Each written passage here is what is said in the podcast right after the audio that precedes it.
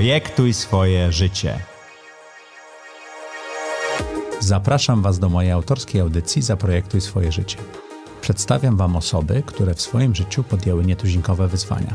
Moje pytania nie należą do łatwych, ale inspirują do zastanowienia się nad tym, co nas napędza i dokąd zmierzamy. Odpowiedzi moich gości są mądre biznesowo i życiowo. Pomogą Wam zainspirować się do świadomego i odważnego projektowania swojego życia. Ponownie w e, audycji Zaprojektuj swoje życie. Jak to mawiał Marcin Beme, The Mac Show. E, dzisiaj moim gościem jest e, Marek Zmysłowski. Bardzo dziękujemy Marku, że zdecydowałeś się przyjść. To chyba nasze pierwsze spotkanie bo znamy które, się social media. Ty pamiętasz. O! Bo spotkaliśmy się po raz pierwszy i zamieniliśmy parę słów na urodzinach Stefana Matorego. O!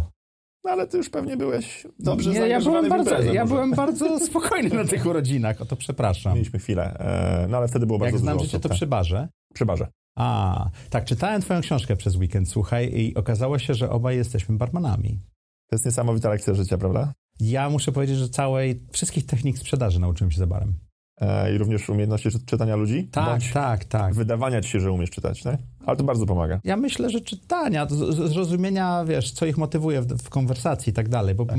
bierzesz ludzi na różnych poziomach upojenia alkoholowego, poznajesz, widzisz, relaksują się, potem schodzą, tak. jesteś w stanie zrobić. Wyproszenie kogoś z baru, kto jest za bardzo pijany bez awantury, jest dużym skillem, większym niż sprzedanie mu e, biznesu, moim zdaniem. Zgadzam się, zgadzam się całkowicie. Nie wiem, czy próbowałeś kiedyś to zrobić. Tak? Próbowałeś.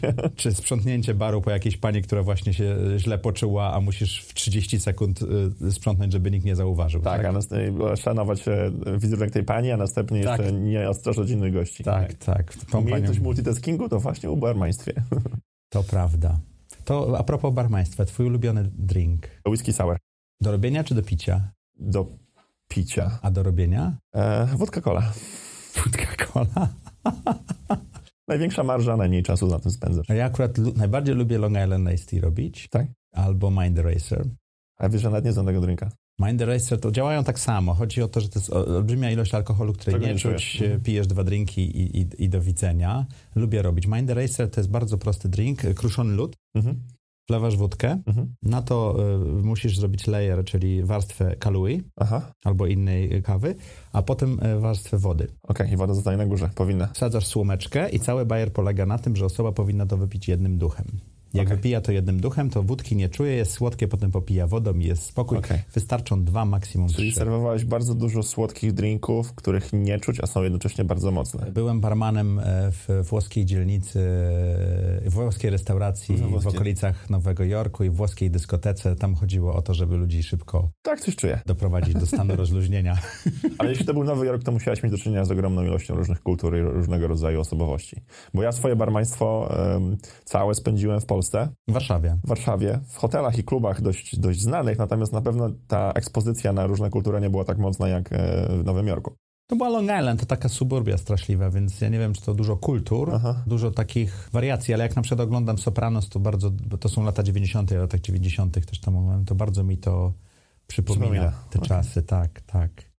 Napisałeś książkę. Tak jest. Mi się tego nie udało. Skąd pomysł na książkę? To we mnie dojrzewało na kilku etapach. To ja zacznę od końca. Takim no. momentem kulminacyjnym, który sprawił, że ja sobie powiedziałem, że ja muszę tą książkę napisać. To była sytuacja, której opisuję w książce, e, kiedy zostałem zatrzymany na Okęciu mhm. i zostałem wprowadzony do celi i zamykając drzwi strażnik powiedział, że najprawdopodobniej w ciągu kilku dni Polecisz do Nigerii. polecę do Nigerii, do tamtejszego więzienia, bo tam będzie sprawa. Ponieważ prawnik nie znał za bardzo sytuacji ani, ani prawa. Więc ja spędziłem noc w takim przekonaniu i wtedy sobie obiecałem, że jeśli ja wyjdę z tego żywy, to na pewno o tym to wszystkim napiszę. Natomiast e, to się nie pojawiło tak, no, tak nagle, bo ja przez te kilka lat w Afryce już dojrzewałem do takiej sytuacji, dojrzewałem do takiego momentu, w którym wiedziałem, że będę niedługo gotowy, że chcę napisać książkę a wynikało to z tego, że wszystkie książki, które ja czytałem, będąc w Afryce, albo przygotowując się do, mojego, do mojej podróży do Afryki, to są książki albo samotnych podróżników e, o tym, jacy oni mają wielkie jaja, bo prze, przejechali sami kawałek pustyni samolotem. Takie safari, sam, tak? E, motocyklem, takie safari, pustyni w puszczy. Albo to są książki akademików, którzy mówią, dlaczego w Afryce jest tak dobrze, skoro jest tak źle. A ja chciałem, potrzebowałem wiedzy takiej pod kątem biznesowym o Afryce, pokazanej przez pryzmat biznesu, lotnisk, biurowców, ogólnie biznesów i technologicznych. I mówię, że skoro nie ma tego, no to ja może sam coś takiego napiszę. Natomiast miałem ku temu materiał, bo ja od wielu, wielu lat piszę. Głównie do szuflady, czy tam do swojego Evernote'a. Raz na jakiś czas wrzucałem różnego rodzaju posty i moją pewną metodą radzenia sobie ze stresem jest to, że ja bardzo dużo rzeczy wylewam e, na papier, więc jak zebrałem, spojrzałem na swoje notatki z ostatnich pięciu lat, to było tego materiału trochę Też sporo. skrypt na książkę prawie miałeś. Miałem skrypt na książkę, a później gdzieś tam w procesie pisania po bardzo dużej, e, jak to się mówi, bardzo duży wpływ na mnie miała książka Chaos Monkeys, która była nie wiadomo, czy książką biznesową z elementami biograficznymi, czy książką biograficzną z elementami biznesowymi. Strasznie mi się to spodobało i pokazanie, jak łatwo można konsumować wiedzę w taki lekki sposób, z uwagi na to, że ta wiedza jest położona w strukturę przeżyć. E, ja chciałem ten, e, te, te podejście do przekazywania wiedzy zmimikować, więc miałem już materiał w postaci tych wszystkich swoich biznesowych spostrzeżeń, wylewania swoich żalów i frustracji, a potem dołożyłem na to wszystkie swoje przygody, które uznałem, że, że są najciekawsze, bo ja też lubię opowiadać ludziom. Często jak ludzie mnie pytają, co jest najciekawszego w Afryce, to już testowałem i wiedziałem, które przygody moich słuchaczy, moich interlokutorów najbardziej interesowały i na tych się skupiłem, e, przelewając I na papier. poprzez opowieści wiedziałeś trochę historię. Ja Tak. miałem pewien niedosyt czytając tą książkę tej, tej biznesowej strony. Tej biznesowej bo, strony. przy, przygodowo rzeczywiście jest niesamowita, ale biznesowo mi trochę brakowało. Mhm. Ale to może ja, bo ja tam lubię wejść w szczegóły, zrozumieć jak biznes się układa, inwestorzy. No widzisz, a z kolei mój wydawca i redaktor powiedzieli, że tego biznesu jest aż za dużo. Także zawsze trzeba gdzieś ten złoty środek Tak, e, tak. znaleźć. Ale słuchało się niesamowicie. Ja na audiotece słuchałem, także spoko. Powiedz, jak wyglądał proces pisania, bo ja próbowałem pisać książkę w zeszłym roku i poległem. Mhm. Poległem sam ze sobą, a tobie się udało, więc to jest dla mnie imponujące. Proces pisania tej książki to był najbardziej bolesnym procesem, który przeszedłem w życiu. A pamiętaj, że spędziłem noc w areszcie. Długo pisałeś? Ciężko to powiedzieć, no z uwagi na to, że ja te materiały zbierałem przez wiele lat, nie, nie, nawet nie wiedząc, że to będzie na książkę. Mhm. Natomiast gdybym złożył do kupy wszystkie godziny tego pierwszego surowego pisania książki, to pewnie byłoby z tego z 500, może z 700, 800 Mhm. godzin. Natomiast tą książkę potem musiałem napisać jeszcze raz, bo jak dałem ją do redakcji, do mojego wydawcy, a miałem świetnego redaktora, panią Ariadnę, to miałem więcej czerwonego niż czarnego. To chyba normalne. Wiesz no nie wiem, bo nigdy nie wypisałem wcześniej książki. I, I poprawianie i zmodyfikowanie książki na podstawie uwag redaktora, które mają jak najbardziej sens, ale ty już jakby zostawiłeś swoje serce tam i teraz musisz poprawiać, to było bardzo bolesne, ale trochę się zagryzłem i, i to zrobiłem, To bo ile czasu to zajęło? To było jakieś 6-7 miesięcy. To pewnie można by było zrobić szybciej, gdyby nie to, że ja miałem cały czas pracę, inne obowiązki i tak dalej. Natomiast to na pewno było kolejne kilkaset godzin. A jak wyglądał codzienny proces pisania tej książki? Rano pisałeś, wieczorem? Więc książkę pisałem, te materiały surowe zawsze pisałem wieczorami z lampką wina bądź weekendy, kiedy cały świat już spał, nikt mnie nie zaczepiał wtedy miałem czas e, pisać. Natomiast kwestie redakcji i już tej pisania tego, tej książki, kiedy wiedziałem, że ona zaraz będzie wydana i mam deadline'y, to się przestawiłem na pisanie poranne, czyli wstawałem 5-6 rano, miałem wszystko wyłączone, e, off, byłem offline i pisałem przez godzinę, półtora maksymalnie e, dziennie rano. I to było... Żeby mieć taki świeży umysł. Bardzo świeży umysł i to było bardzo efektywne. I teraz pewnie, gdybym miał jeszcze coś pisać, to tak bym to robił. Nawet tą pierwszą część byś robił rano? Nie wiem, czy miałbym takie same podejście Wyluzowane. wyluzowane, autoironiczne, takie troszkę sarkastyczne. Nie, nie wiem, czy rano, oprócz bycia efektywnym, też zachowujesz tego typu elementy. Nie wydaje mi się. No, książka bywa bardzo wyluzowana. Muszę powiedzieć, że parę razy się zaszokowałem czytając. E, I pozytywnie, i negatywnie tak, że on to napisał i nikt tego mu nie wyciął. Ale warto, dobrze. Słuchaj, podcast jest o projektowaniu swojego życia. E, Ma generalnie motywować naszych słuchaczy i oglądaczy e, do tego, żeby wzięli życie w swoje ręce i coś zrobili. Słuchaj, jak do tej pory wyglądało projektowanie twojego życia? Kiedyś to by się nazywało, jak wyglądała twoja kariera do tej pory, ale to nie o to chodzi. Mhm. E, Jak to wyglądało? Czy ty to zrobiłeś, czy to się wydarzało, czy jedno i drugie? Nie wydaje mi się, żebym miał jakiś długofalowy plan, którego się trzymałem. Ciężko jest też mi powiedzieć, czy posiadanie takiego planu jest, jest dobre, czy też złe. Są ludzie, Mhm. którzy, na których patrzę, którzy są autorytetami, którzy mówią, nie powinnoś planować czegoś bardziej niż rok czy dwa lata do przodu. Bodajże Tim Ferriss to powiedział. Też. A z drugiej strony jest Oliver Zamwer, z którym pracowałem przez wiele lat, który w 98 roku napisał pracę magisterską i do dzisiaj realizuje jej założenia. Mhm. Więc prawda jest gdzieś pośrodku i najlepszą odpowiedzią jest to, że to zależy.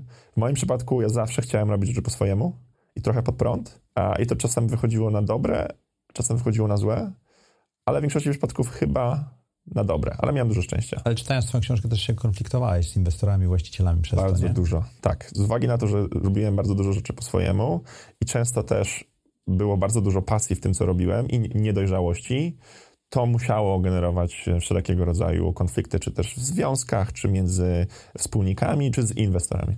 Ja a propos planowania wierzę w takie powiedzenie, że zbuduj most z tego, co spływa w dół rzeki. I... Jeszcze słyszę, poczekaj, zbudujmy z tego. No bo możesz, okay, możesz, zaprojektować, możesz zaprojektować most, czekać aż to przęsło przyjedzie, poczekać, ustawić i tak dalej, a możesz poczekać aż ci spłynie kłoda, postawić ją i przejść na drugą stronę tak, rzeki, tak. czyli wiesz, różnie to bywa. E, drugie powiedzenie, które bardzo lubię, to najlepiej smakują steki ze świętych krów. Aha, dobre. Ależ to jest dobre. Okej, okay, chyba muszę zmodyfikować swoją książkę do drugiego wydania. tak, to będzie, to będzie dobre powiedzenie. Tak. Ale wracając do tego, e, do tej rzeki, to opowiadasz o tym, że byłeś przedsiębiorcą w Polsce, robiłeś marketplace dla usług pogrzebowych, tak. który działał lepiej lub gorzej z uwagi na branżę i w pewnym momencie w rozmowie z kimś e, dowiedziałeś się o Rocket Internet tak. i stwierdziłeś, że to jest to. Czyli to tak. było troszeczkę taka reakcja na to, co spłynęło w dół rzeki, prawda? Zgadza się. Tak, i ona, ta rozmowa i to, to, co spłynęło, ja jeszcze tego mostu nie miałem, tak jak zobaczyłem, co spłynęło, to wtedy do mnie Rzekę dotarło. znalazłeś wtedy Znalazłem rzekę, tak, i mówię, od tego można zrobić most. Okay. tak, to chyba, tak to chyba było, bo ja całe życie spędziłem w Polsce i we mnie się odezwał taki zew, ej, trochę chyba nie wykorzystujesz potencjału, świat jest trochę większy niż Polska czas najwyższy, bo jeśli nie teraz, to kiedy? To brzmi jak jakoś takie strasznie proste i wyświetlane, ale no właśnie. Ja opowiadam ludziom, jak się pytają, jak się ułożyła moja kariera, mówią wow. Ja mówię, to wow jest, jak się żegluje, to człowiek to rozumie. Jeżeli patrzysz do tyłu żaglówki, to widzisz kilwatry, widzisz wszystkie zwroty, jak ta, jak ta piana na wodzie się ułożyła, ale jak patrzysz do przodu, to jest morze i, i, i fale i, i nie, ma, nie ma autostrady mhm. wytyczonej. Mhm. Więc łatwo jest mówić do tyłu, o tak się ułożyło moje życie, coś się wydarzyło i tak dalej taki kluczowy moment w Twoim projektowaniu życia to było to, czy coś innego? To było zdecydowanie to. Ta decyzja, żeby, żeby zaaplikować do Rocket Internet, e, a potem decyzja w 5 minut, że pierwszy to lecimy do Nigerii. A teraz co to jest Nigeria? Gdzie ona jest? No ja znam bardziej wschodnią Afrykę i południową niż, niż zachodnią, szczerze mówiąc. Bardziej sympatyczna, sobie... taka turystyczna. Nie, nawet nie turystycznie. Przyjaciel tam jest szefem linii lotniczych i tak dalej, więc e, trochę się e, obczytałem, a tutaj musiałem, czytając Kenya Airways pewnie. Tak, musiałem się trochę ponauczać, że się tak wyrażę, mhm. tej części. Wiesz, wokół francuskie kolonie to jest brytyjska kolonia, język. Tak. Trzecie najbardziej ludny kraj w ciągu 50 czy tam 80 lat na Ziemi. Mówisz o Nigerii, tak, tak, tak, będzie drugi albo trzeci. Tak? No to zależy, jak się tam Indie ułożą. To też jest coś niesamowite. Człowiek nie zwraca na to uwagi, patrząc w tej bańce europejskiej. Tak? No, w ogóle, wiesz, na, na, top, na 10 najbardziej ludnych krajów na świecie, 5 będzie z Afryki, zgodnie z tym, co United Nations mówi. A tylko pytanie, czy to jest akurat potencjał i szansa, czy zagrożenie?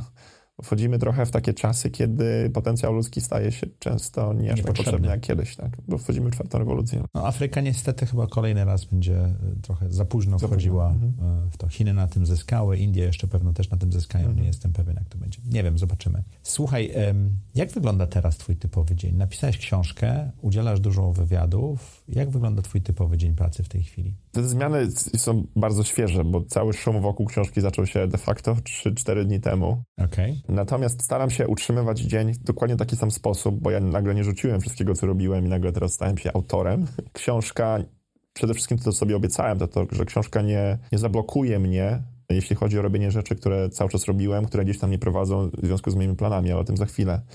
Ja zawsze dzielę sobie plan dnia na pół i pierwsza połowa dnia to są maile, praca, gdzie raczej jestem wyłączony, jestem offline i, i pracuję, mm, zajmuję się większymi dokumentami, wykonuję taski, które wymagają pierwsza skupienia się. Pierwsza? Pierwsza połowa dnia. A kiedy już jestem taki wyzuty z energii, to druga połowa dnia to jest czas na spotkania i kole, bo ja zauważyłem, że rozmowy z ludźmi troszeczkę mnie doładowują energetycznie też. Okay. I dlatego podzieliłem sobie dzień, e, dzień na pół. Cztery godziny, cztery godziny, czy tak nie, nie, nie, niekoniecznie tak zwracasz uwagę? Mniej więcej pięć, pięć na pięć. Pięć na pięć. Ja pracuję dość długo. O której zaczynasz dzień pracy? Wstaję siódma rano. Śniadanie, siłka? Siłownię robię wieczorem. Okay. Tak mi jest wygodniej, bo wtedy mam też więcej energii. Siłownię wykorzystuję również jako element znowu doładowania siebie. Rano nie potrzebuję doładować siebie, bo wstaję rano, mam taką energię, że i takie poczucie, że już spałem teraz 8 czy tam 7 godzin, czas najwyższy zacząć, prac- zacząć pracę, a więc nie potrzebuję siłowni na samym początku. Okay. Na siłownię bym poszedł w trakcie dnia, kiedy już nie, nie, mam, nie mam sił na cokolwiek, na otwarcie kolejnego maila czy kolejne spotkanie i wtedy wykorzystam siłownię. Dlatego najczęściej ona jest gdzieś tam pod koniec dnia. Co jeszcze jest dla mnie istotne? Pilnujesz diety w tym czasie, żeby jeść w określonych czasach, czy po prostu jesz tak, jak ci wyjdzie? Przestawiłem się, to było bardzo bolesne, ale teraz jest niesamowicie wygodne na e, intermittent fasting. Najczęściej jem raz albo dwa razy dziennie. 16 godzin czy dłużej? Nie liczę, ale raczej, raczej to pewnie jakbym teraz patrzył retrospektywnie, to będzie jakieś 14-18 godzin. Okej. I to jest super, bo jak już nie jem od rana, to jest w ogóle wyjątek, że teraz piję cappuccino, bo to jest mleko, to nie jestem w ogóle głodny, natomiast jak już jem kolację, to wtedy w ogóle nie muszę się ograniczać jem co chcę, a jestem niesamowitym Czyli głodomorem. jesz dużo na wieczór. Jem bardzo dużo e, na wieczór, ale odpowiednio wcześnie, żeby nie mieć problemów z zaśnięciem z uwagi na, pełne, e, na pełny żołądek, bo tak już mniej więcej metodą prób i błędów wiem, ile godzin przed pójściem spać mogę iść na siłownię, żeby jeszcze nie być za gorącym i ile godzin przed pójściem spać mogę zjeść, żeby już organizm zdążył przetrawić A tę pierwszą przed część. siłownią czy po siłowni? To zależy, co akurat trenuję. Czy akurat Okej. tren- idę na cardio, czy idę na trening siłowy i tak dalej. Okej. Jesteś po Afryce, jesteś po książce, jesteś po przejściach. Do czego teraz dążysz? Hmm. Um, ja przeszedłem wiele etapów, jeśli chodzi o biznes. Od takiego kowboja, przedsiębiorcy, który stawia wszystko na jedną szalę i wszystko ryzykuje, żeby otworzyć kolejnego unicorna. Co mi nie wyszło w moim przypadku. Znaczy firma, którą tworzyłem jest teraz unicornem, ale ja nie jestem na jej czele. A Czy to ważne, że, przepraszam, czy to ważne, żeby być na czele? Teraz już wiem, że nie. A kiedyś było ważne dla ciebie? Bardzo ważne. Dla twojego ego? Bardzo, tak. I wiem, że w moim przypadku to, to nie służy. E, Nie, nie jestem... Nie jest, Biznesowi czy tobie? chyba i tu, i tu, bo jeśli nie Okej. służy mi, to i siłą rzeczy nie będzie służyło biznesowi. Później przeszedłem krótki etap angel inwestora w Afryce i też zrozumiałem, że to absolutnie nie jest dla mnie. Na razie jestem na etapie rozkminiania, czy długofalowo będzie mi, będzie mi satysfakcjonowało takie podejście Tima Ferisa, który napi- napisał o tym w tej sławnej książce, e, żeby prowadzić kilka bardzo małych, dobrze, dobrych cashflowowo biznesów, które są na tyle małe, że jesteś w stanie tym, temu doglądać e, przy niewielkim, przy niewielkim teamie osób, bo już miałem ten etap zachłyśnięcia się dużymi e, rundami finansowania, unicornami i tak dalej, a teraz Tracenia kontroli również nad przedsiębiorstwem, bo inwestorzy zaczynają bo inwestorzy mówić. przejmują, są kłótnie z inwestorami, jeśli wszystko masz pod kontrolą, to znaczy, że jedziesz za, za wolno i Ja tak akurat dalej. w to nie tak wierzę. Ty w to wierzysz? Ja, ja wierzyłem w to przez bardzo długo i nie powiem, że teraz już to nie wierzę, ja bym tylko powiedział, że to zależy. A ja jestem teraz na etapie fascynacji mniejszymi biznesami, e, które są zdrowe cashflowowo i budowania takiego zdrowszego, dającego ci więcej spokoju biznesu, bo ja swoją, swój, jak to się mówi, swoją porcję stresów ostatnio przeżyłem i teraz trochę się balansuję. A masz E, takie biznesy w swoim portfelu? Mam. Zacząłem je budować dość intensywnie, żeby nadrobić, bo zdałem sobie sprawę, że gdzieś zaprzepaściłem tę szansę, że powinienem mieć już je, je, je, wcze- je wcześniej. No, ty jesteś młodym człowiekiem jeszcze. No, tak mówią. Ja mam 50 lat, także wiesz. Nie wyglądasz. Dziękuję. Nie wyglądasz. Więc, więc jestem chyba na tym etapie, kiedy eksperymentuję z tym. Natomiast czy to jest to, co mnie usatysfakcjonuje długofalowo? Nie jestem w stanie na to pytanie jeszcze odpowiedzieć. Natomiast cieszę się, że jestem w takiej pozycji w życiu, że mogę sobie dowolnie to wybierać i eksperymentować z tym, co chciałbym, e, chciałbym robić. I to jest dla mnie jakiś sukces. Natomiast to, co będę chciał robić długofalowo, jeszcze nie wiem. Ja ci muszę powiedzieć z osobistego doświadczenia, jeśli mogę się podzielić tutaj, to dojście do sytuacji, w której masz parę, parę lub kilka biznesów y, niedużych, stabilnych, cashflowowych, bardzo upraszcza życie, bo wtedy podejmowanie decyzji jest takim podejmowaniem decyzji dlatego, że chcesz coś zrobić ciekawego w życiu, a nie jesteś zmuszony finansowo. Trzeba zna- znaleźć, czy akurat to tobie odpowiada, czy też nie. Ja miałem takie poczucie, że jak przestałem być zależny od pieniędzy od inwestora, to tak jakbym zdjął za małe buty po całym dniu łożenia. Jezu, to jest piękne powiedzenie. To tak jak ja przestałem pracować w korporacji, to tak jakbym zdjął za małe buty. Mhm. Nagle takie uff. Tak. Tak, ale potem chodzisz na bosaka po, po asfalcie i boli. No tak. No i musisz poczekać, aż skóra Aż skóra, tak, to zajęło mi 4 lata. Ale wiesz, co można robić? Ja, ja wymyśliłem to. Więc I nie- uważam, nie- że to jest dobry nie- pomysł. No zobaczymy, zobaczymy. No, To, co ci powiedziałem przed kamerą, przed nagraniem, że... Poprosiłem o 10 książek, dostałem 3. Sześć, trzy. E, A zapytałeś się, ilu mam słuchaczy? Mówię, na razie zero. Ale bardzo dziękuję, bo dowiedziałem się, że dostałem e, więcej książek niż e, bardzo, bardzo znane postaci życia e, publicznego. Tak, zobaczymy, czy tam też mnie za, zaproszą. Natomiast fajnie, że to robisz, bo o tym rozmawialiśmy przed nagraniem, że bardzo mało jest osób, które najpierw coś osi- osiągają, a następnie ten czas, który mają, którego mają teraz już więcej, doświadczenia chcą przekazywać dalej, chociażby w postaci podcastów, które ostatnio się okazało jednym z najciekawszych formatów. Ja myślę, Dużo, że podcasty, bardziej audycje, z- zastąpią radio w samochodzie czy bo są tak, wygodniejsze do używania. on demand, jest on tak, demand. tak jak Netflix się. zastąpił telewizję. w pewnym Możesz sensie. zbudować jakąś komunikację z widzem, ale w twoim przypadku najpierw coś osiągasz, więc masz już autorytet wśród ludzi, będziesz zapraszał ciekawe osobowości, nie będziesz się bał zadawać tych trudniejszych pytań. E, I te wywiady nie będą kolejnym przydługim wywiadem, który napisał PR-owiec. Zobaczmy, jak to będzie. A propos trudniejszych pytań, co daje ci najwięcej energii i satysfakcji w życiu? Ha. Mi się strasznie podoba to i to mnie trzyma w Afryce cały czas, że ja nie buduję kolejnej apki, która jest okay. pomysłem numer 1500 na to, jak zabić zmienia, czas zmienia y, twój wygląd na Messengerze. Tak? To zmienia twój filtr na przykład na jakiejś aplikacji tylko ty de facto rozwiązujesz takie podstawowe problemy, które jeszcze tam nie są rozwiązane. I to jest kurczę fajne, no. To mi strasznie dodaje dużo powera. Jak patrzę na osoby, z którymi współpracowałem w Nigerii, czy w Kenii, czy w RPA i patrzę na to, co oni robią teraz, to czasami tak myślę sobie nieskromnie, że kurczę, gdyby nie to, że ja otworzyłem tą firmę, to nie wiem, czy akurat oni mieliby w ciągu tego roku, czy w ciągu najbliższych pięciu lat podobną, e, podobną możliwość. Co, czego nie mógłbym nigdy powiedzieć, jeśli chodzi o, o Polskę, czy Europę, czy Stany Zjednoczone.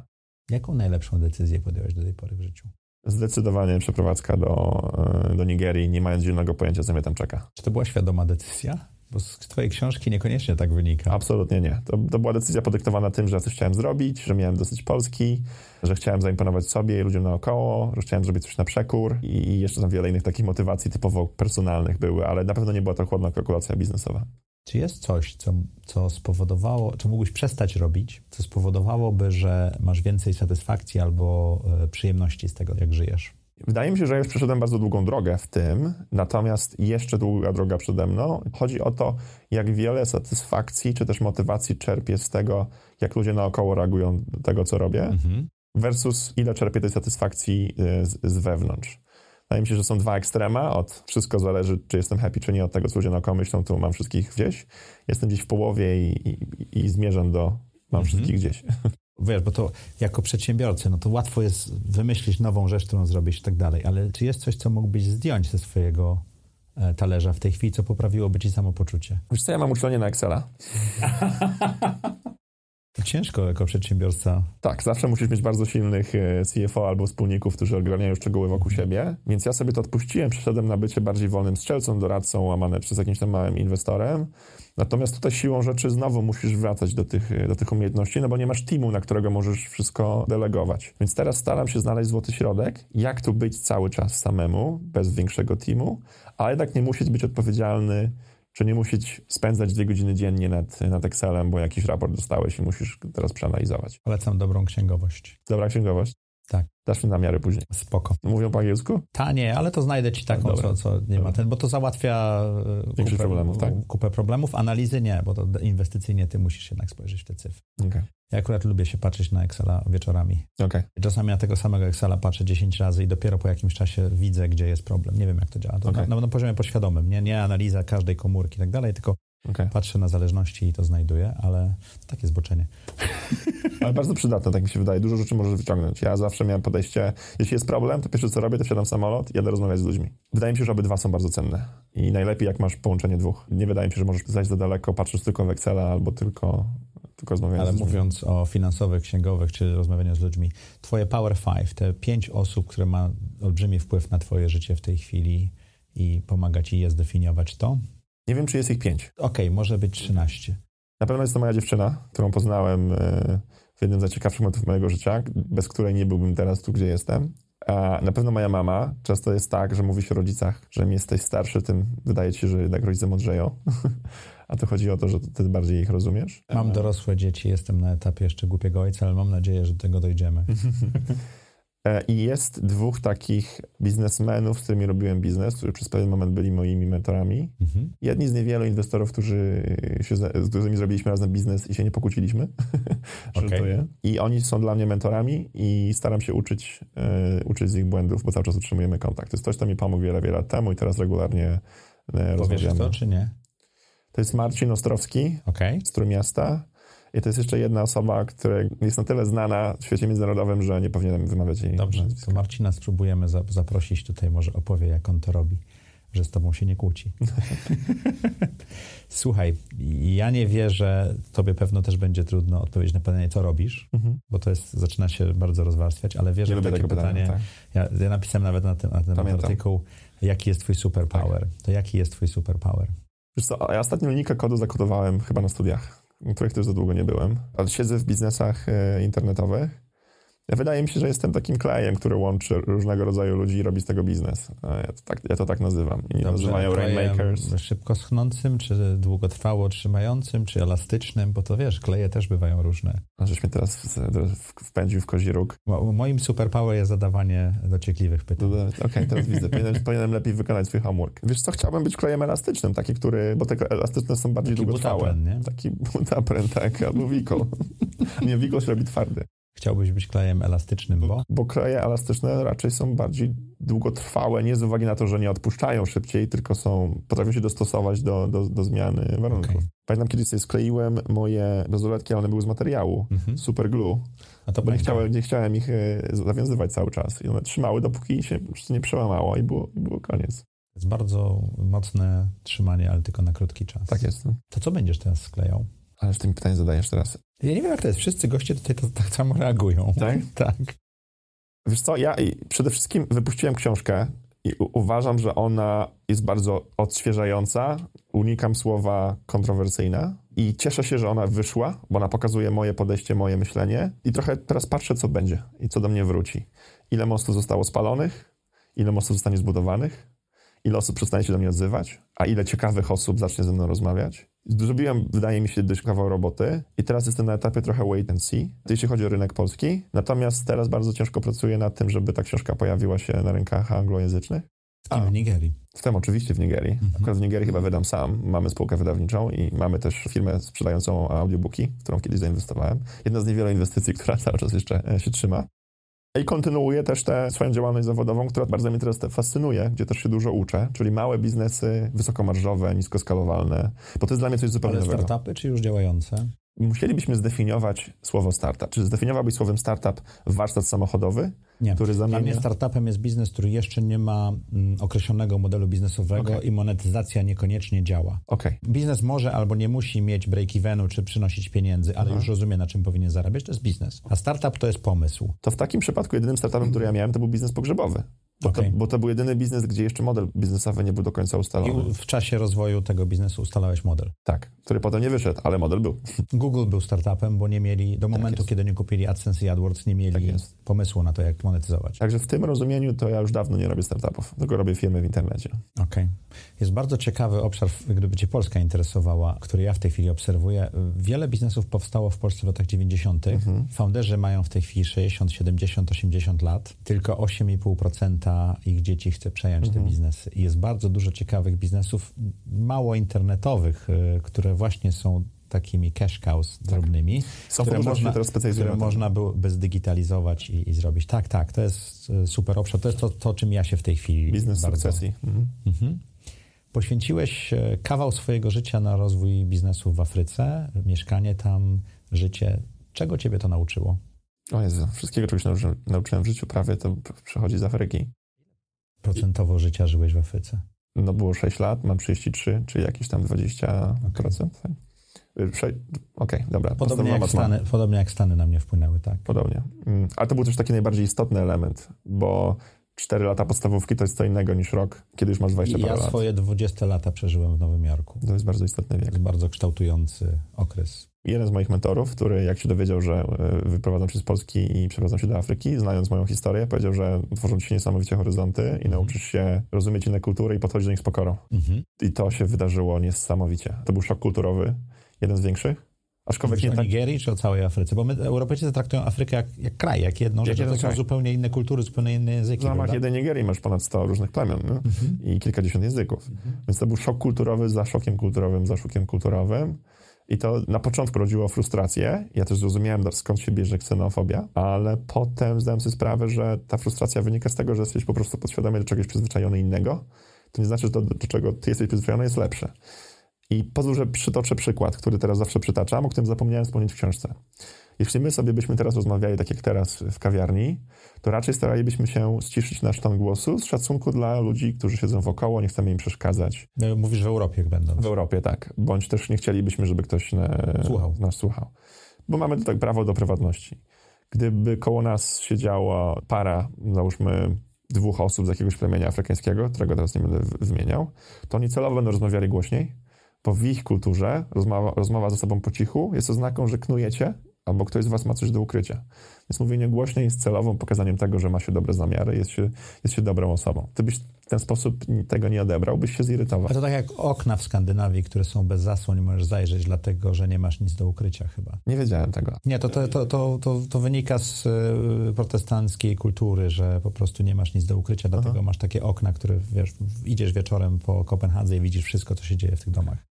A tobie wydawałoby się, że ci ludzie są co najmniej dziwni, że tak robią, że nie dbają o swoją prywatność, że, że nie boją się pokazywać Ja nie mam firan w domu, więc to niekoniecznie tak jest, ale, ale, ale, też, tak, też tak bywa. To, to była ta pokora, to była masa lekcji biznesowych, po których piszę w książce na przykład to, że mi się zawsze wydawało w Polsce, że jeśli prowadzisz biznes internetowy, to znaczy, że cała technologia jest w internecie, że twoi klienci są w internecie, że prowadzisz marketing w internecie. A dopiero w Nigerii zrozumiałem, że mieliśmy tak ogromne budżety dzięki Rocket Internet, że my wymaksowaliśmy w zasadzie, to, to już mówiłem gdzie indziej, e, e, budżety i nie mogliśmy wydawać więcej w Google, bo już nie było więcej ruchu do kupowania, więc żeby utrzymywać te wzrosty, na których nam zależało, trzeba, trzeba było pójść offline. Wysłać. Tak. Więc biznes może być internetowy, ale możesz pozyskiwać klientów offline po raz pierwszy, ściągnąć ich na stronę, a potem sprawić, żeby oni zostali, ale już wracali do ciebie drogą internetową. I to jest teraz się wydaje takie oczywiste, ale dla mnie to była dość istotna lekcja, że rozdzielić pozyskiwanie klienta z obsługiwaniem klienta. I jeśli chodzi o kanały, e, teraz to jest takie oczywiste dla mnie. Co jeszcze? Nauczyłem się bardzo dużo poprzez błędy, jeśli chodzi o dobieranie sobie ludzi do współpracy. Jak kiedyś dobierałem ludzi do współpracy na zasadzie, ok, ja się skupiam na tym, lubię te rzeczy, to jest dla mnie istotne firmy, więc potrzebuję ludzi wokoło, żebyśmy się nie kłócili. Tak już nie robisz? Absolutnie nie. Teraz, Jak teraz dobierasz ludzi? Przede wszystkim analizuję, gdzie są moje najsłabsze punkty. Im słabszy punkt w moim prowadzeniu biznesu, tym mocniejszy menadżer odpowiedzialny za tą działalność. A jak znajdujesz taką osobę? Teraz już tylko i wyłącznie przez referencje. Ale referencje search i tak. po, sprawdzasz referencje, czy, czy przez y, polecenie zatrudniasz? I to, i to. No, okay. Samo polecenie nie wystarczy, bo to są często polecenia nie do końca wiarygodne, albo ktoś właśnie kogoś poznał, jest fajnym chłopakiem, ale pracują ze sobą 6 miesięcy. Ale ty chcesz rozmawiać z kimś, kto z tą osobą współpracował przez wiele lat. Na tym się bardzo przejechałem i teraz bardzo na to uważam. Okej. Okay. Jeśli A jakaś osobista lekcja z Afryki, taka, której nigdzie jeszcze nie powiedziałeś najlepiej, żebyśmy mieli trochę ekskluzyw tutaj. Szkoda, że nie powiedzieliśmy wcześniej tego. Osobista lekcja z Afryki, o której jeszcze nie powiedziałem. Wiesz co, nie doceniłem, jak długo ludzie potrafią pamiętać, że powiedziałeś o nich coś niemiłego. Opowiem Ci historię. Kiedyś w Delu wszedłem do salki konferencyjnej i chyba Aster Papazian napisał na ścianie, do tej pory nie pamiętam, bardzo interesującą rzecz, która bardzo mi pomogła zdefiniować e, parę rzeczy w życiu. To było po angielsku napisane, ale powiemy po polsku. Przyjaciele przychodzą i odchodzą, zbieramy tylko wrogów.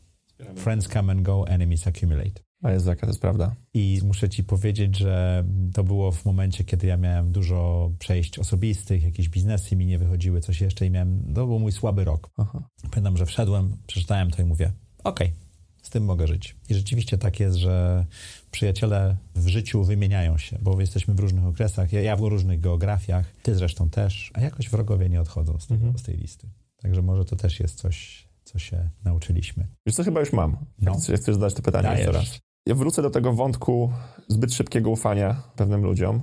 Mhm. Jedną z firm, którą zakładaliśmy, zakładaliśmy we czwórkę. Ja znałem się z trójką od wielu lat. Dwie osoby znałem więcej niż 10 lat. Jedną osobę znałem niż dwa lata.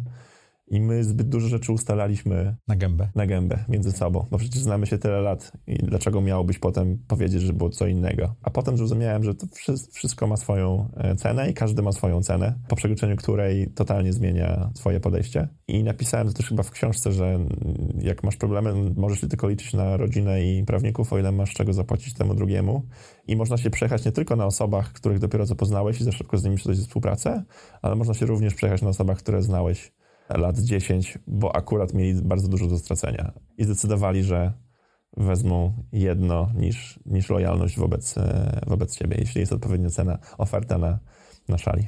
Mocne. Ja ostatnio miałem bardzo podobną lekcję e, w rodzinie, bo stwierdziłem, że będę dzieci uczył pasywnego e, inwestowania i ustaliłem pewien deal, ale nie napisałem ani w mailu, ani nigdzie. I, I, to nie wynikało ze złej woli, tylko z totalnego braku zrozumienia. Obie strony zrozumiały zupełnie coś innego, niż zostało powiedziane. Ja zrozumiałem coś innego, mhm.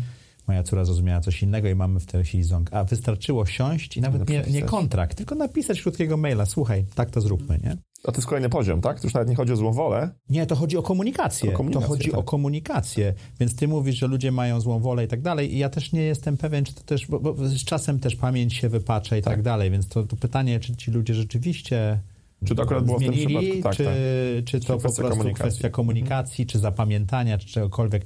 Jednak napisanie prostych punktów jest Tak. ważne. Marku, trzy rzeczy, które chciałbyś robić za trzy lata to?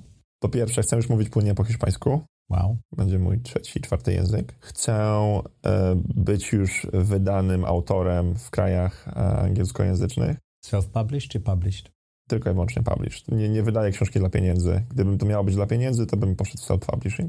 I trzy, chciałbym rozwinąć swoją działalność biznesową poza Afrykę, ponieważ wierzę, że doświadczenia zbudowania biznesu w rynkach afrykańskich są o wiele bardziej przydatne niż europejskie, jeśli chciałbyś wejść do Ameryki Łacińskiej czy do e, Azji Południowo-Wschodniej. No dobrze, to czego nauczyłeś się w 2018 roku? To był dość przełomowy rok, który zaczął się z wielkim hukiem dla ciebie. Tak, zaczął się zatrzymanie na, e, na lotnisku. Nauczyłem się tego, jak bardzo szybko eskalować mogą się problemy, o których się nie myślało, jeśli druga strona, która jest, nie jest tobie przychylna, ma choć odrobinę wpływów i, i, i władzy. Dbaj o to, żeby ludzie, którzy nie są tobie przychylni, nie pal mostów. Może być? Trzymaj przyjaciół blisko, a wrogów jeszcze wrogów, bliżej. Wrogów jeszcze bliżej. Dobrze. Książka która? Moja pierwsza.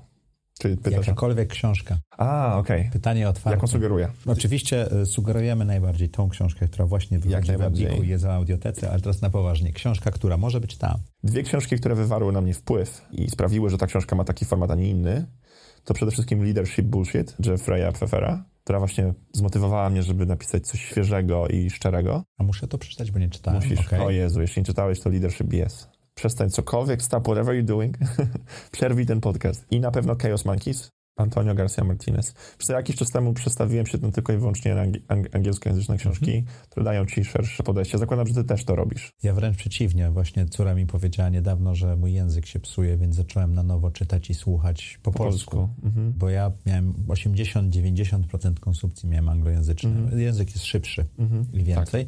W tej chwili mam, myślę, że około 50-60% jest po angielsku, a 40-50% po polsku. Mhm. Tak staram się to balansować, żeby jednak ten podcast będzie po polsku, więc jak najwięcej poprawić sobie języka. Bardzo dziękuję za te dwie książki. Przeczytam na Goodreadsach, zre- zreferujemy. Daj znać, co myślisz. Dam znać. Y, Słuchaj, chciałem a propos twojej książki. Pierwszy raz, bo ja Goodreadsów używam od niecałych dwóch lat. Pierwszy raz wprowadziłem książkę na Goodreads. To ja, ją wprowadziłeś? Ja ją wprowadziłem, nie mogłem tylko znaleźć tego numeru i ISBN? i ISBN, więc tam poszukałem, poszukałem, w końcu chyba znalazłem, nie wiem czy właściwy, ale mówię, wow, wreszcie mam jakąś, wiesz, kontrybucję. prawie tak, bibliotekarzem. jestem prawie A bibliotekarzem. ja dzięki temu nawet od razu już zrobiłem submit i zostałem teraz e, published author on Goodreads. Czy to jest dzięki tobie? Tak, tak, nie no, bo A jednak wiesz, się opłacało przyjść na ten podcast. Nie, no bo wiesz, ja, ja musiałem się przygotować. Ja Leszka Kaniuka tutaj gdzieś mam książkę i nie mam czasu się do niej zabrać. Muszę go zaprosić na podcast, wtedy na pewno przeczytam, bo e, ilość wiedzy o Nigerii, o Afryce, twoja książka, wszystkie artykuły od tobie przez ostatni tydzień, no bo jesteś pierwszym, jesteś pierwszym gościem, którego zapraszam, którego poza tym incydentem w barze, nie, którego nie pamiętam, nie znałem. Także wiesz, czułem się zobowiązany. Ale a propos twojej książki, muszę ci powiedzieć, że został mi mm, niesmak w dwóch obszarach. Jeden to jest ten biznesowy. Ja zainwestowałem w ponad 30 startupów, myślę, że 20 parę w Polsce. Jako inwestor w większości mniejszościowy zawsze czułem się niepewnie. Mam taką historię ze startupem z Wrocławia, który można na to różnie opowiedzieć, ale e, tam wyprowadzono kil, grubych kilka milionów złotych właśnie przez software z firmy. Według mnie wyprowadzono. Oczywiście każda ze stron może mieć Inną wersję. inną wersję, więc ja myślę, że jak nie dojdziemy, co to jest, to prokurator może też się pojawić. E, Ja chciałbym po prostu zrozumieć, czy to było błąd biznesowy i firma padła, czy to było po prostu działanie szkodę. Celowo od samego początku. Znaczy, no, od samego początku nie, bo pomysł był bardzo dobry. Jak pomysł przestał wychodzić, to nagle Później. pieniądze e, wyszły. Nawet już nie moje, tylko kolejnych inwestorów. Straciłem trzech przyjaciół na inwestycjach, właśnie inwestując na gębę, e, nie docierając, nie dopisując tych szczegółów, nawet nie mówię o kontrakcie czy mailu.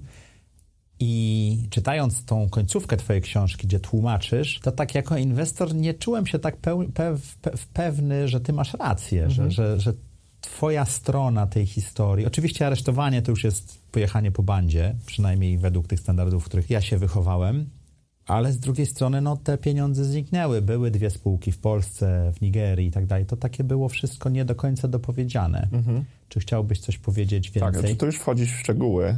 Yy, tutaj chciałbym... Warto książkę przeczytać. Zaznaczam od razu bardzo jasno, że wszystko było ustalone od samego początku okay. i wiedza była pełna. A to, że druga strona zmieniła później narrację, która im bardziej odpowiadała, e, faktowi, że wolą pójść po pieniądze bezpośrednio do mnie niż do spółki, to jest, to jest rzecz druga. No bo spółka już nie miała pieniędzy, tak? Bo spółka już nie miała pieniędzy, ale mogłaby mieć, gdyby oni nie zrobili tego, co nie chcieli zrobić, gdyby nie próbowali wykopać mnie ze spółki. Ale to zostawmy te szczegóły, zostawmy te szczegóły e, czytelnikom książki. Czy ja powiem wprost, że ja, nie, ja zrozumiałem, że ja nie jestem osobą najłatwiejszą do współpracy, szczególnie jeśli chodzi o inwestorów, bo mi zawsze było bardzo ciężko zrozumieć, że wprowadzenie inwestora to też oddanie to, to spółka już nie jest moja, to firma nie jest moja, oddanie kontroli. Na to bym się już nigdy w życiu nie zgodził. Eee, jeśli kiedykolwiek wezmę inwestora, to na pewno nie oddam kontroli.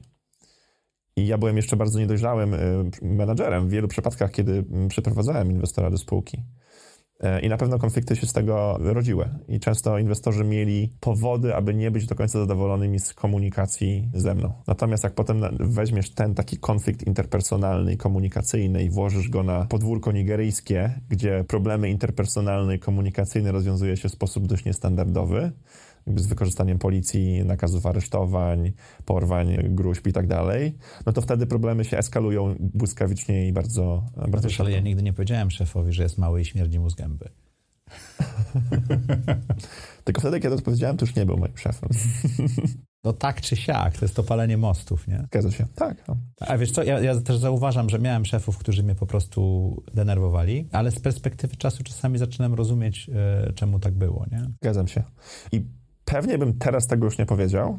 Okej. Okay. I w książce nie mówię, że to było dobre, ale mówię o tym. Nie, nie, to, to I pokazuje full disclosure ścieżkę. jest naprawdę tak, tak. dobrze napisana książka w tym zakresie, więc ja to rozumiem, ale ja jako inwestor bałbym się jednej rzeczy i teraz pozwól, że to zrobię. Powiedziałeś, że nie oddasz kontroli nad spółką następną. Mhm. Ja nie mam problemu, żeby ludzie, w których inwestuję i wkładam pieniądze, rozwijali biznesy. Wręcz chcę, żeby to oni byli tą maszyną, która to robi, bo ciągłe pchanie founderów zużywa dużo energii i to oznacza, że ten startup czy ten biznes do czegoś tak. nie dojdzie, tak? Raczej wolałbym ich challenge'ować, zwolnijcie albo zastanówcie się, niż mówić idź, zrób następny krok. A takie firmy też mi się zdarzają ale nieoddanie kontroli również może oznaczać, że ja nie mam poczucia bezpieczeństwa. To jest jakieś partnerstwo. Jeżeli jesteśmy partnerami w biznesie, to jest dobrze spisana umowa, jest e, e, pewne zrozumienie pewnych obszarów, które, na które można wpłynąć. Ja mogę mieć członka, ja bardzo często wpisuję to, że jeżeli będzie powołana Rada Nadzorcza, to będę miał prawo wpisania członka.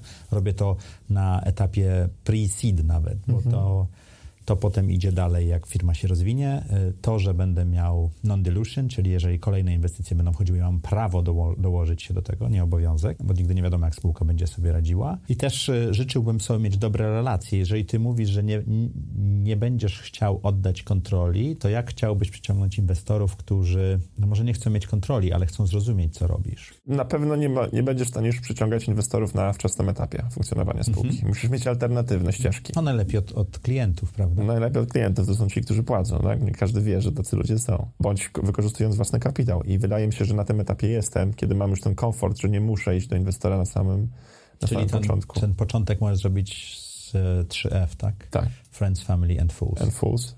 Or your own bank account. Tak. To, mm. też, jest, to też jest Fools, nie? To też jest Fools, tak.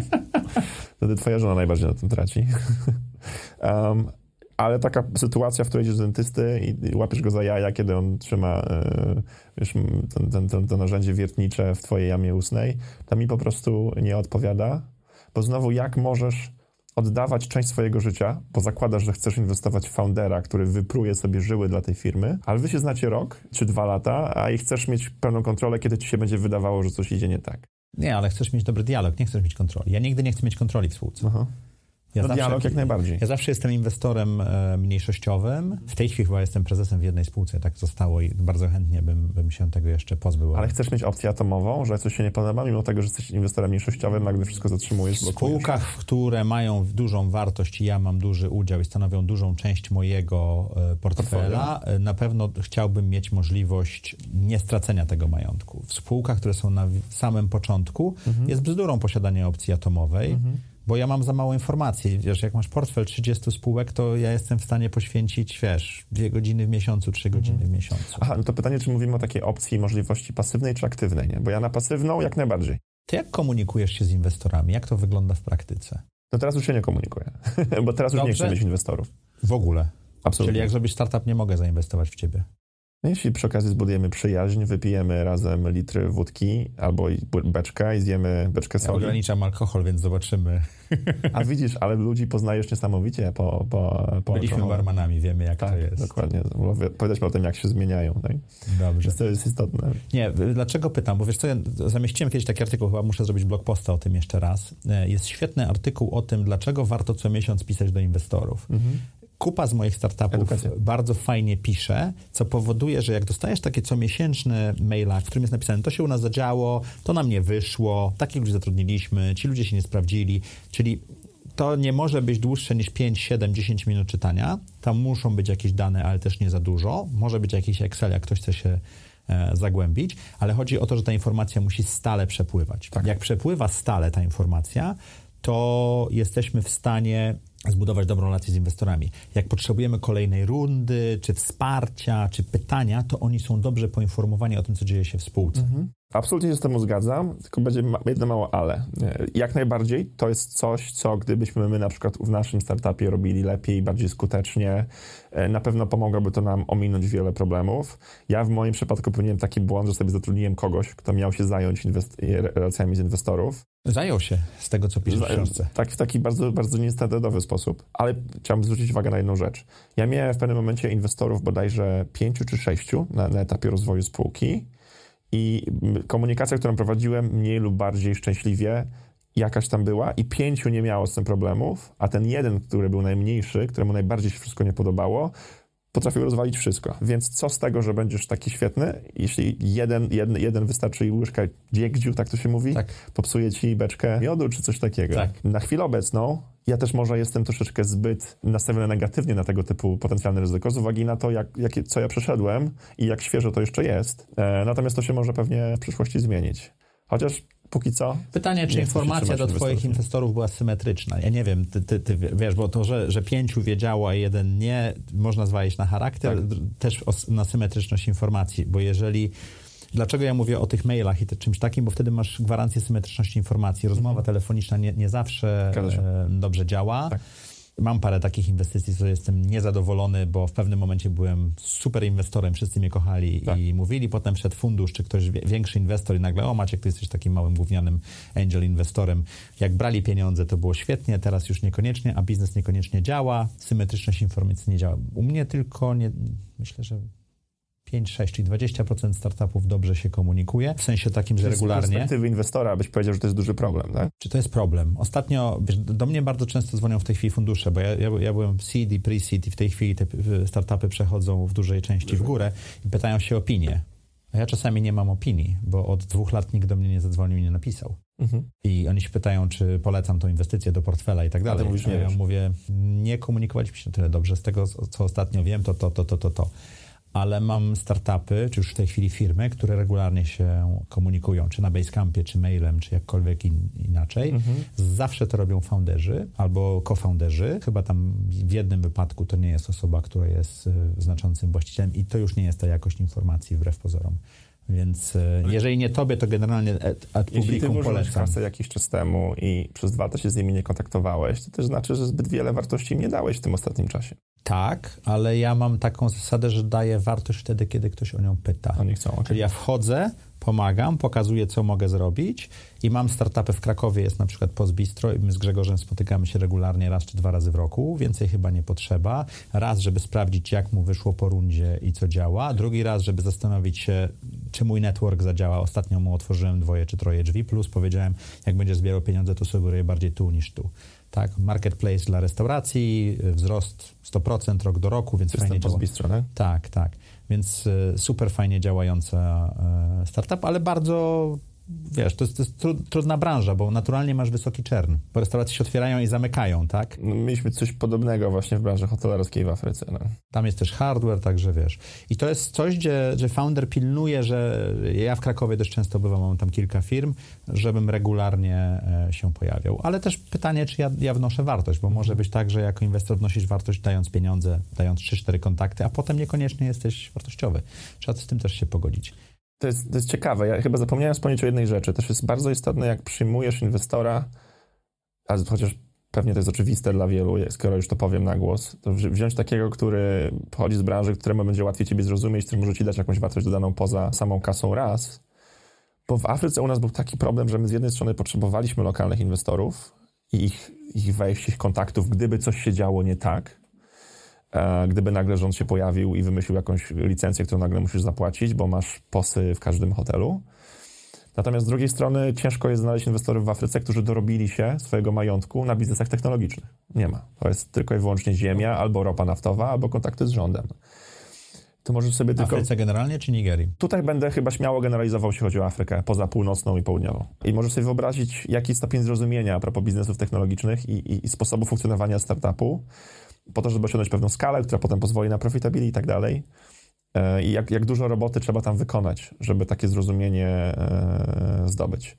Więc jak najbardziej, e, więc, więc z jednej strony, czy oni potrafią dać wartość poza samą kasą, a z drugiej strony ty jako founder rzeczywiście musisz wykonać o wiele więcej pracy niż normalnym takim typowym VC, który inwestuje też w inne startupy technologiczne. Czyli edukacja, czyli twoja następna książka mogłaby być o różnicach w inwestowaniu w startupy w świecie, który ze startupów słynie, czyli... O różnicach, tak. To raczej byłby pewnie materiał na jakiś dłuższy artykuł albo serię artykułów. Nie wydaje mi się, żeby książka z tego była. No.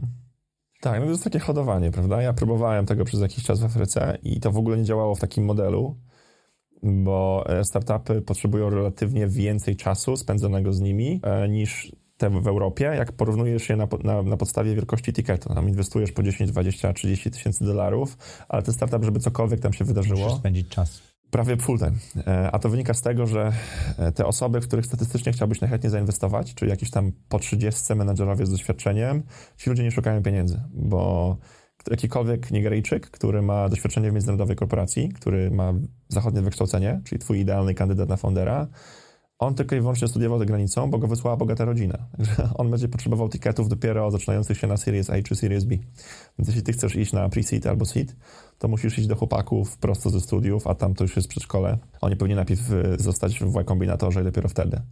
E, I także to jest koszt, e, jak to się mówi, korzyści alternatywnych, także korzyści utraconych. Po prostu się nie kalkuluje. I to jest ten problem, że jest tak próżnie na samym początku.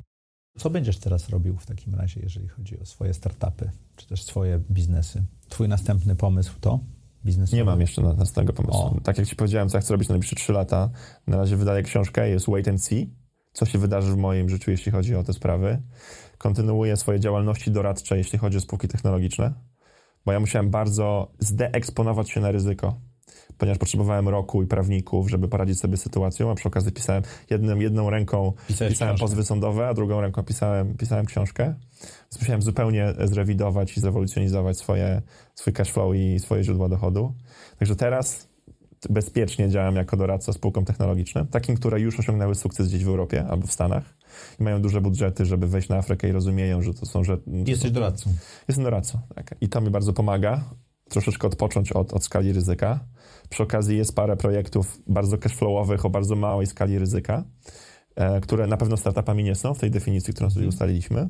Na pewno nie będę inwestorem. Znaczy ja nie potrafię rozmawiać o spółkach tak jak ty. Tu są jakieś gazele, tu są krowy, tu są psy. Dla mnie to są wszystko ludzie i ja tylko inwestuję w biznesy, które które sam bym otworzył, gdyby oni do mnie nie przyszli. Ja nie potrafię skwantyfikować potencjału y, biznesu. Ja zawsze wchodziłem w biznes, bo po prostu chciałem to zrobić i chciałem, żeby to działało. Mhm. I uważam, że to jest wada, jeśli chciałbym być inwestorem. Nie wiem, czy to jest wada, no a dla inwestora w pewnym momencie spółka staje się produktem. Tak. A uważasz, że to jest istotne, żeby inwestor osiągnął sukces? Bo mi się wydaje, że tak. E, myślę, że znaczy, na pewno ludzie są ważni i inwestujesz w ludzi, to powiedziałeś ważną rzecz i, tak. i wiesz, fascynujesz się tym, tymi ludźmi, zespołem, pomagasz im i tak dalej, ale z drugiej strony no, ten produkt kup, chodzi o to, żeby kupić tanio, a sprzedać drogo, tak? I opakować w odpowiednie sreberko, żeby następny, który kupi, chciał, chciał to zrobić. Nie wiem, czy to jest kapitalizm, no wiesz, jak ja dawałem pieniądze na pomysł, to nie było chętnych do dawania bardzo często, albo było ich niewielu. Albo byłeś taką jedną z niewielu alternatyw, tak? Ja staram się inwestować na bardzo wczesnych etapach, tak? Chociaż teraz może już trochę mniej. A, a później jednak jest łatwiej o pieniądze. Znaczy jest taki moment, że między seedem a serią A jest pustka w pewnym sensie. W Polsce to troszeczkę PFR e, będzie zapełniał teraz funduszami. między 7 seria. Mhm, mhm. Nie, nie tylko w Polsce, wszędzie. Jeżeli czytasz o Silicon Valley i tak dalej, jest łatwo zebrać pieniądze na początek. Zwróć uwagę też, że koszt założenia startupu w 98 roku to było 5-6 milionów. Musiałeś mieć własne serwery, własne routery, wszystko. Mhm. W tej chwili za 50 tysięcy dolarów możesz mieć startup, bo wszystko masz w chmurze AWS-u. Czyli najłatwiej zbierać przed przychodem albo po dochodzie. Przed przychodem, albo jak już masz jasny biznes model, który można łatwo wycenić. Coś Okej. jeszcze, wszystko pomiędzy jest problemem. Okej, okej. Także to, to też tak bywa. No, nie wiem, czy bycie inwestorem to dobre, czy złe. Powiem za 10 lat, jak wiesz, skaszuję swój portfel. Słuchaj, co chciałbyś, żeby nasi słuchacze z tej audycji i oglądacze z, z kanału YouTube'a zapamiętali najbardziej? Żeby robili rzeczy po swojemu. Okej, bo? Bo to jest frajda i największa satysfakcja. Okej, dobrze. Róbcie rzeczy po swojemu. Zapraszamy Was na kolejny odcinek już za tydzień. Naszym gościem był Marek Zmysłowski, przedsiębiorstwa z Polski, z Afryki, autor książki Goniąc czarne jednorożce. Dostępna w Empiku. E, Słuchajcie, mamy dwie dodatkowe książki dla pierwszych osób, które zasubskrybują na listę mailingową. Lista będzie na dole. Pierwsza i siódma osoba, która zasubskrybuje, dostanie książkę z autografem. I jeśli Marka. mogę też dodać, to cały mój dochód z tej książki idzie na, na fundację w Nigerii, która Tak. e, przekazuje laptopy i, i sponsoruje lekcje programowania dla najzdolniejszych uczniów e, w Nigerii. Także im więcej książek kupicie, tym, tym, tym bardziej możecie, e, możecie pomóc tamtym A dasz regionom. nam linka do fundacji? Podłączymy też? Znaczy, jak bę- będzie źródło, pokażę link do strony fundacji. Tak, tak, zrobimy też coś Ja takiego. dbam o to, żeby to była fundacja, która jest bardzo lean. Tam są maksymalnie dwie, trzy osoby, że nie tracimy kasy na nieważ, nie, nie wiadomo jak zbudowane struktury.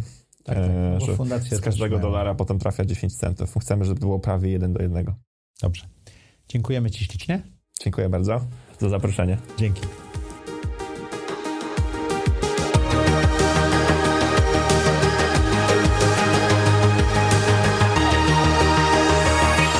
Zaprojektuj swoje życie.